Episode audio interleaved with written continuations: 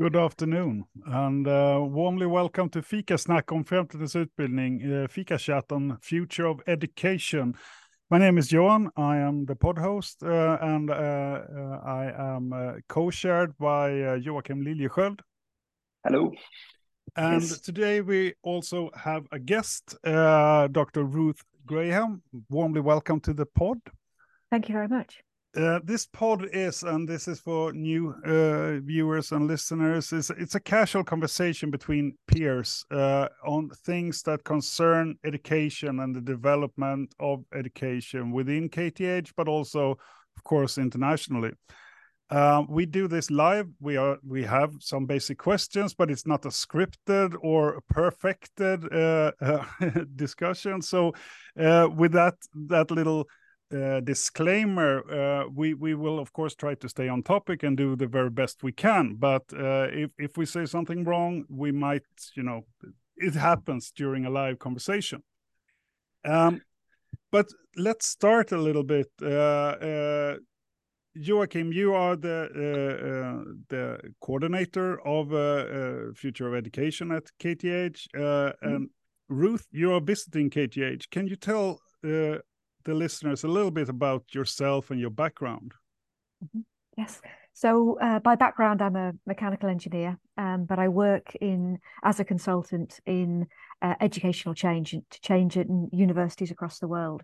So um, I've worked as a consultant for about 15 years. Uh, some of those projects I work on are uh, public projects, um, a, a, lot of benchmarking, actually looking at best practice globally, but also looking at specific challenges facing change. For example, the uh, reward and recognition systems, the promotion systems that underpin academic careers. Uh, but I also work individually with universities and schools making changes, um, informing and supporting the changes that they're making. Mm. And it's and uh, from from our side, we are joining in in one of these studies right now, in the one transforming the recognition of university teaching. Can can you tell us because that that is a project that is about to start? Can That's you tell us a little bit more about that? Absolutely. So so to me, uh, one of the biggest challenges facing change in higher education is the system of reward and recognition, the extent to which teaching and learning is rewarded and recognized in academic careers. Um, and I've been working over the last 10 years with a group of universities from across the world who are committed to making change, to looking at what are the challenges facing the system, but actually making systemic changes to not just the career pathways, but all of the other um, institutional processes that support that. So, how do you evaluate academics every year? You know, through those processes, what are the criteria? Um, what are the the systems of uh, professional development available for, uh, for for academics, and how do you support that career progression, uh, particularly as an educator, through to being an educational leader, for example? Um, so I've been doing a lot of work over the last ten years to support change within institutions. But one of the questions a lot of university has, universities have asked me is, what are the best practices? If you look around the world, what is happening and who can we learn from? What are they doing? What challenges do they do they have to overcome and what kind of changes did they make? So this project, uh, which will last throughout the, the, the, upcoming academic year, will look to identify those best practices and actually put together a handbook for universities making change so that they can draw on these examples of best practice and learn mm. from others. Uh, and KTH is one of the universities that is supporting and co-funding that study uh, over the coming year. Um, really good, and and from our side, it's really interesting. It's a, been an ongoing debate for a long, long time here, and it's really crucial as in the different principles we have for the future of education. So so it's going to be really interesting to to to learn more in that process also. Um, who is is anyone really good at this? Would you say? Uh, or are we just complaining as academics all the time, or I think, I mean, I think what's interesting is that, uh, firstly, there's a huge commitment to change. You know, I think if you'd have asked somebody 15 years ago in any institution worldwide, are we as a community, as a sector, going to tackle the issue of reward and recognition for teaching uh, in academic career pathways? I think most people would have said pro- probably not, actually. You know, this is such a endemic, ingrained cultural issue, making changes to that, particularly when universities so often are uh, evaluated on the basis of research performance and impact. Mm. Yeah, how are we going to make a change here when it's, say, so culturally ingrained? The shift that's happened over the last 15 years, and particularly actually over the past five years, has been huge. I mean, it, it's mm. it's to me, it's been a, a, surprise actually the extent to which not only are universities saying we want to make a change, but they're actually rolling out that change. Mm-hmm. I think in terms of uh, there there would be no institution that's done it uh, and, and completed mm-hmm. the process. But I think there are a lot of institutions and countries actually that are going mm-hmm. through a really well informed, community driven uh, uh, process of change. So I think you've got universities like UCL in the UK. You know, it's a that's a, a well regarded uh, research led institution, but they've completely changed their career pathways. Mm. Um, and the re- reward and recognition of teaching is absolutely at the center of that.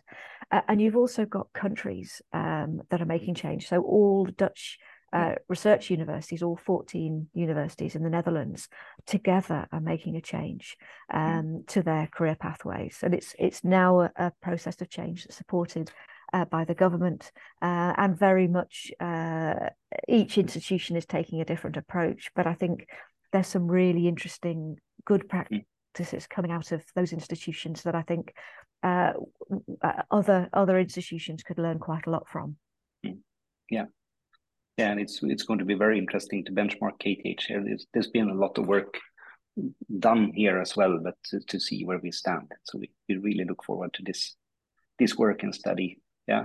Yes. And you and in and over the years you've done several reports around this, uh, looking at culture and looking at rewards recognition. So so there's a lot of reading material also uh, to look at.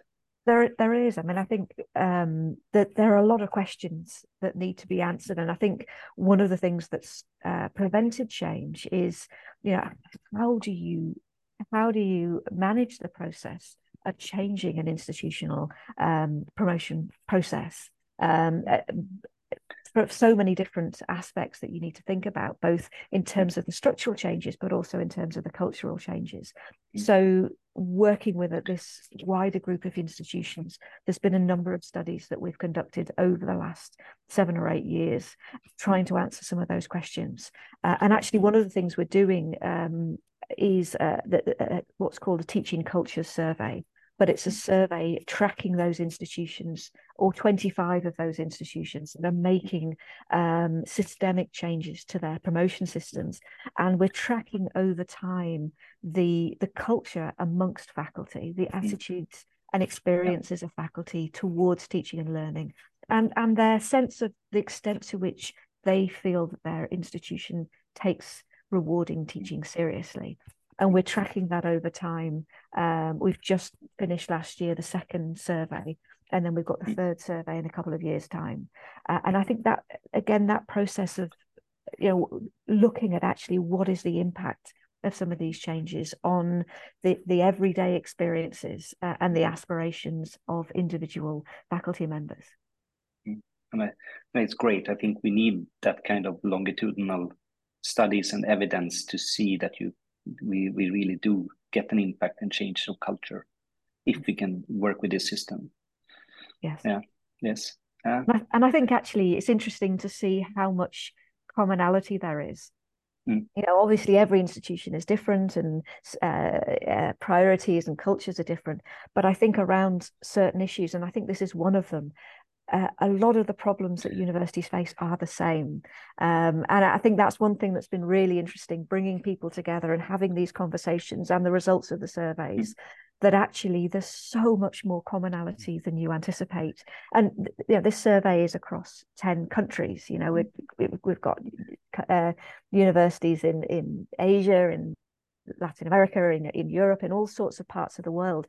But actually, in terms of the challenges and opportunities for change and the experiences of people within their institutions it's remarkably similar. It's really interesting how much commonality there is.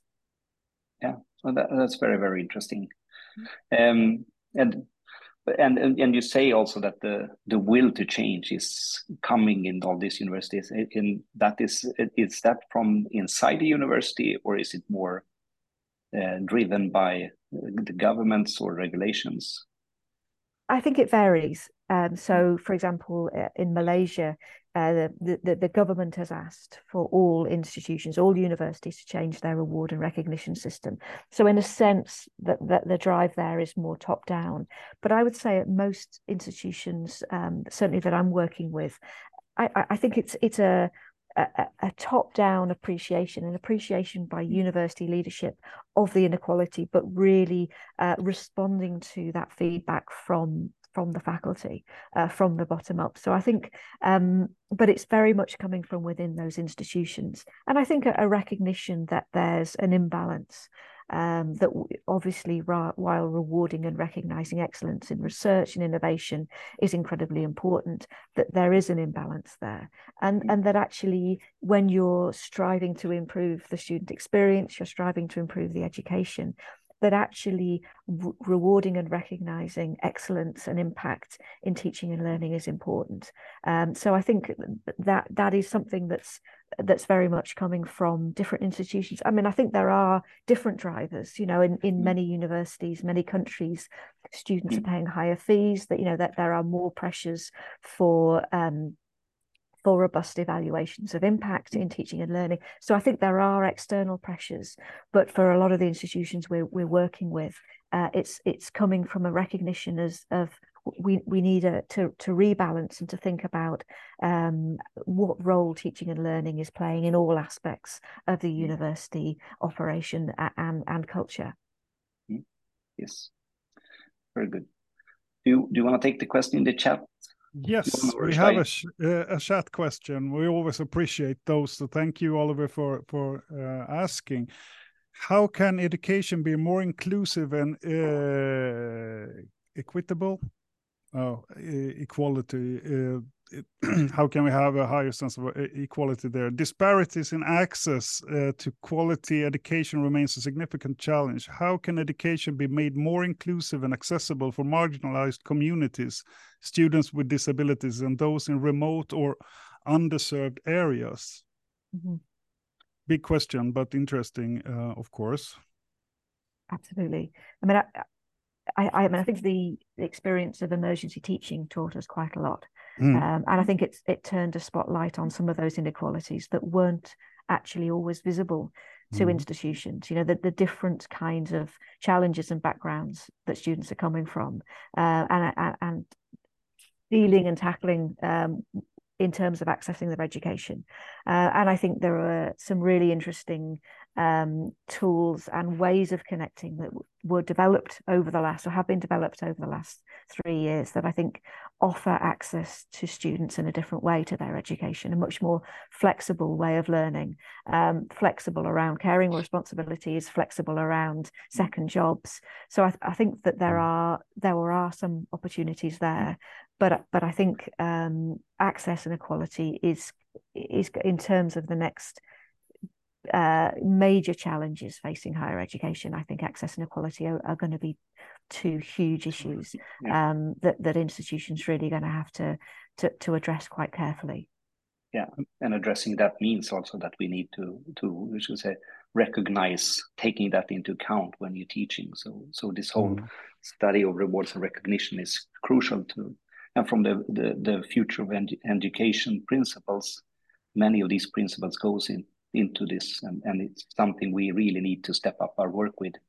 In order to drive the changes we need to do so it's really interesting but I, I, would like to switch subject a little because we have a short short talk here and a little bit yep. because this is one of your big domains that we we we looked a lot at and tried to cooperate and work with and be part of the study but the other one is that you also looked a lot on this the where is where is engineering education heading mm-hmm. can, can you just say a few words of that Absolutely. I mean, I, again, I think similar to the work on reward and recognition, there's been a huge change in engineering education. Um, I did a study in 2018 for MIT looking at the global state of the art, and it was really striking um, that the and and really this is continuing to accelerate the but the extent to which engineering schools and universities are changing practices.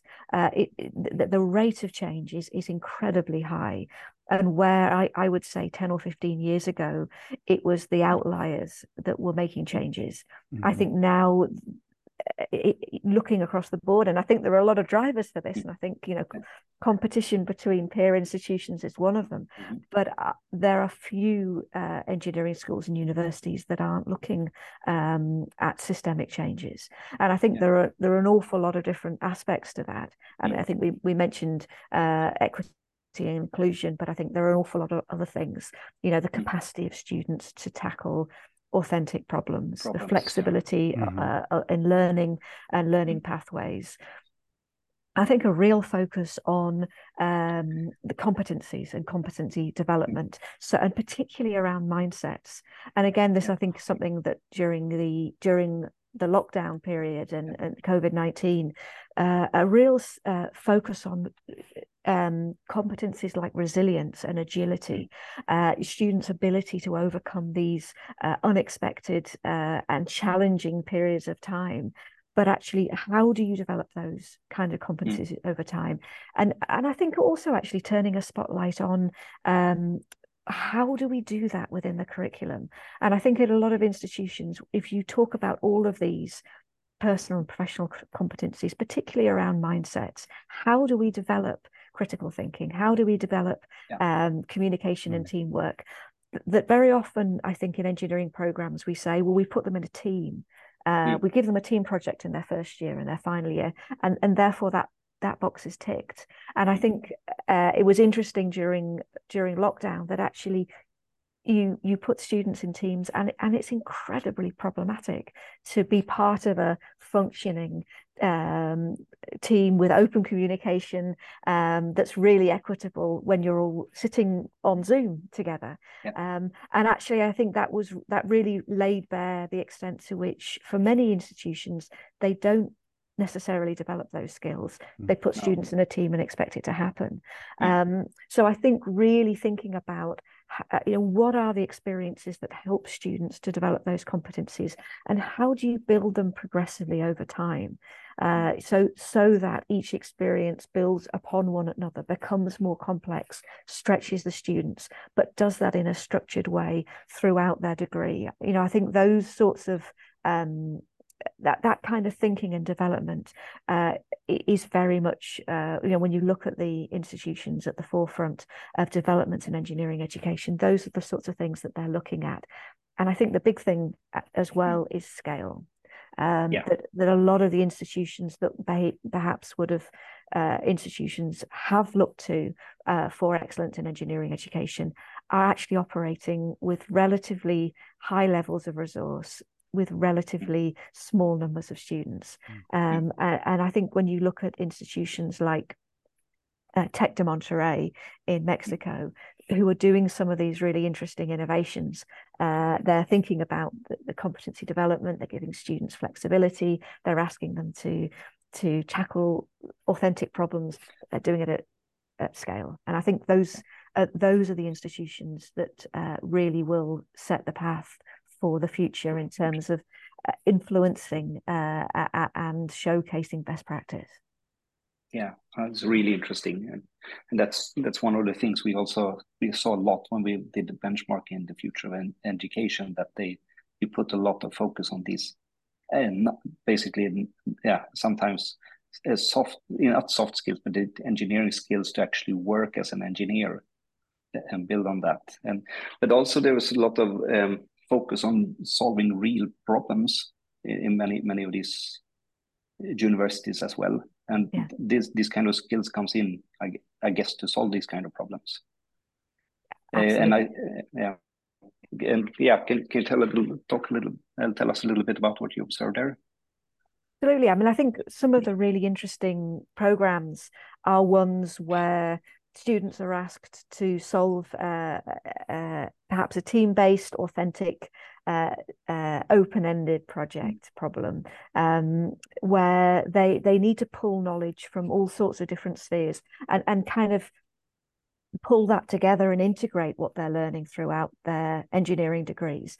And some really interesting programs now are asking students to do that relatively independently so that you are confronted with a problem uh, and you need to identify what do i need to understand in order to tackle this what yeah. what kind of concepts uh, what kind of abilities and competencies do i need to master in order to in order to solve the problem and then identifying that in mm. perhaps an online curriculum um, yeah. identifying those accessing them independently mastering them independently and mm. then applying them um, so aalborg university for example in denmark is moving towards this model it's a PBL university, 50% of the curriculum is is projects, mm. But actually yeah. look they're looking at that other 50% as you know, can we put those online um, so that the students access those independently? But it actually means that the focus for the on-campus learning, the face-to-face learning, is very much based around uh, the projects and problems that students are solving. Uh, and yeah. very often the, the the other courses that they that they work on, they work on collaboratively through peer mm. learning, and you know that, that it's they're not necessarily isolated experiences. Oh. But the, the focus for being on campus um, is is very much uh, much more directed towards those projects. I mean, that's something yeah. again that Monterrey, uh, Tec de Monterrey are doing, and mm. others. Mm. But I think that that uh, that blend of intensive team based, mm. uh, real challenges um, yeah. with uh, very independent learning, mm. um, mm. where students, uh, you know, are driven by I need to solve this problem and I, I yeah. need to understand fluid flow in order to do mm. that, or I need to be able to communicate with this particular stakeholder group and they identify it. And I think in terms of building mm. students' intrinsic motivation for learning, um, no. nothing like needing something now to to to really drive that um, mm. uh, drive that independence of learning as well. So I think those are some of the, prog- uh, the the programs that I think are really interesting. But again, doing that at scale and it's, doing that in a mm. way that's you know that's all of those mm. experiences are are high quality uh, and really carefully designed you know it, mm. it's not an easy process no it, it, it, that's the, i think that's the big challenge it's a very tricky process we have we have several of those fantastic kind of programs where you actually manage to integrate and we have them where you add it on where you don't have but how do we scale this how do we systemize this in a way that that we give this opportunity to to more students basically yes. uh, and and also trigger them to start learn even more we take for granted they want to learn more then and yeah and get away from this what is this going to be on the exam and drive the learning yes. i think uh, pandemic also showed a little in if you look into digitalization and you see how that can challenge university i think pandemic for sure uh, um, uh, panic, uh, pandemic for sure um, brought this to attention for us that that we we um, yeah things are going to change and we need to adapt to this. Before that, it was digitalization might happen, but I think mm. that's so. So so going back to the roots is a very of engineering education is a very interesting opportunity right now.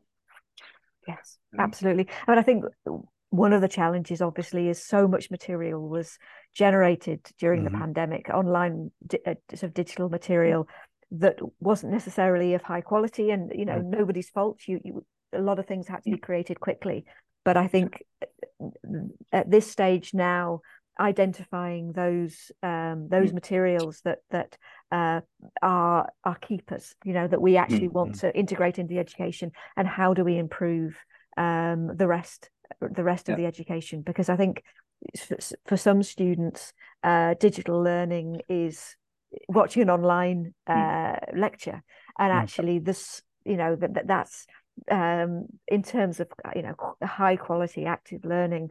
There's hmm. so much more that can be done, um, yeah. but I think the the potential is there, and and I think that process that everybody went through of understanding what is it for my mm. students to be actively engaged. You know, mm.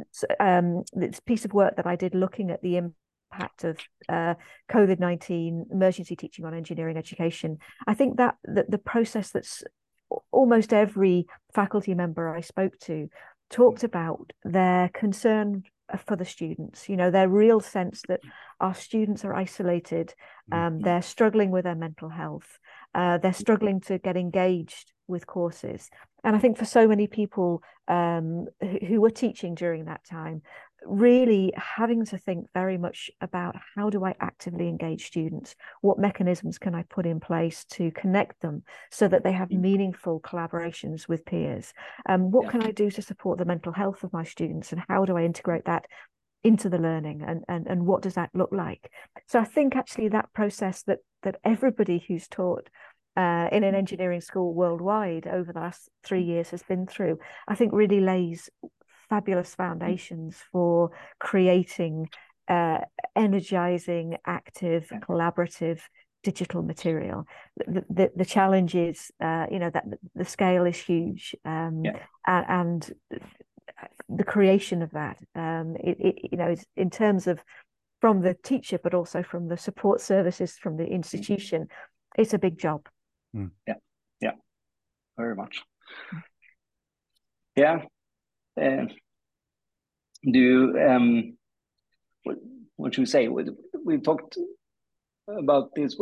One thing I think of interest in the study too for us to really reflect on is that you you show that historically the leading university has been in the Europe and the US, and you see a change. You're talking about Monterrey, and you talk about this. Can you can you elaborate a little on that? Should we be scared as European universities, and do we need what what is it we need to do? Mm-hmm. I, I, mean, I, I think there is a shift. It's it was really interesting uh, in this uh, the MIT study looking at best practices in engineering education. When I talk to people about what where which institutions are delivering best practice now, mm-hmm. and then I also asked which institutions do you think will define the future.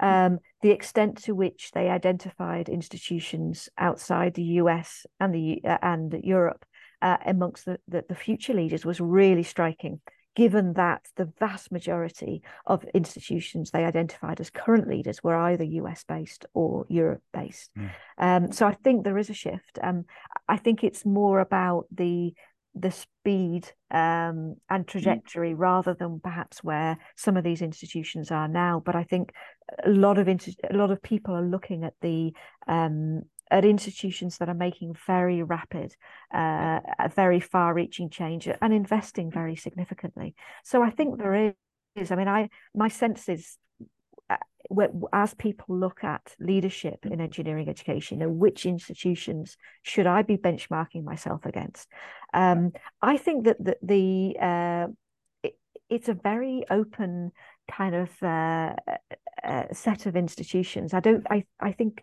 it's less predefined by who are the top universities for engineering in the world university rankings. And I think for a long time, um, that's how people identified the best universities in teaching and learning. Then you got these kind of maverick institutions like Olin College in the US mm. that I think really disrupted that. And people started thinking, actually, there are other universities, other programs outside of this group.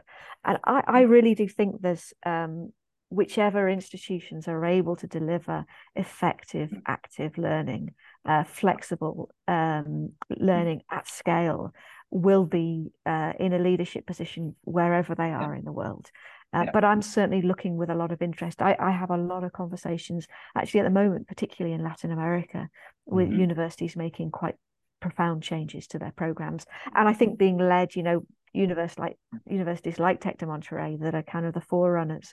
But actually, there's a lot of there's a lot of interesting things happening uh, all over the world, uh, yeah. but not necessarily in the institutions um, that w- we would identify uh, as the leaders in research, which I think is really interesting. Yeah, yeah. H- have we catered too much to our students in the Western world? In order, we talk about this learning and working together as a team and everything but every, everything is set up and catered for them is it is this one of the things that actually they get a lot of this training from basically the the situation they are in in the sense that the lab equipment may not be there they might need to be invention to make a lab and the challenges you have, you need to address them. I I'm not sure. I mean, I think um, I I think you know catering to students um, is is often a very positive thing. You know, mm. sometimes I think students uh, find courses very difficult and problematic, mm. um, and push back against them, and actually find five years in five years' time, mm. well, this was transformative, and I, and this is what I use daily, um, and I have a completely different view on it. Um, but actually, I, I mean, I think for, for a lot of other institutions that don't have the lab equipment and don't have the particularly um, the IT infrastructure, I think it's a huge challenge to to mm. for them to to be able to deliver high quality teaching and learning, and I, and I think that's an inequality that's grown actually since through the pandemic. Mm. Um, but but I, am not sure. I mean, I think yeah. Um, yeah. so much of it, if if uh, I mean, if you've got the will to do something, and if mm. throughout the institution you've got the will to do something, you, you know, you can make a lot of things happen. But at the same time, I think there are things that that require, you know, investment. You know, yeah. there, there are things like flexible learning spaces mm. that mm. actually, if you don't have them, uh, it's very, very difficult to do effective group work mm. where yeah. where students have the support you know so that they can come on campus and access the internet and you know all of those things that that you provide on a campus so i think to to me um, mm. lack of investment is uh, it's a bigger challenge. it's a bigger challenge yeah. yeah. Yeah um, mm. uh, Joakim and ruth we are reaching the end of this time that we have allotted. Uh, i could listen a lot longer because it's been really really interesting ruth to get to gain uh, insights into your perspectives on on this field which is so important and so dear to to KTH also because we are currently investing heavily into the the, the future education. You will also uh, uh, hold a few seminars, so uh, those interested in learning more can go to the intranet uh, very quickly to find out where if you want to have more of this uh, uh, but for now, I need to thank you both for taking time mm. and share your thank insights you. and perspectives. And uh, the conversation will continue because this field is in constant uh, forward motion, yes. so to speak. And it, it, also it's up to us to to uh, to be part of that change. Uh, but it's been really rewarding. So thank you so much. Thank you very much. Thank you. Thank you very much.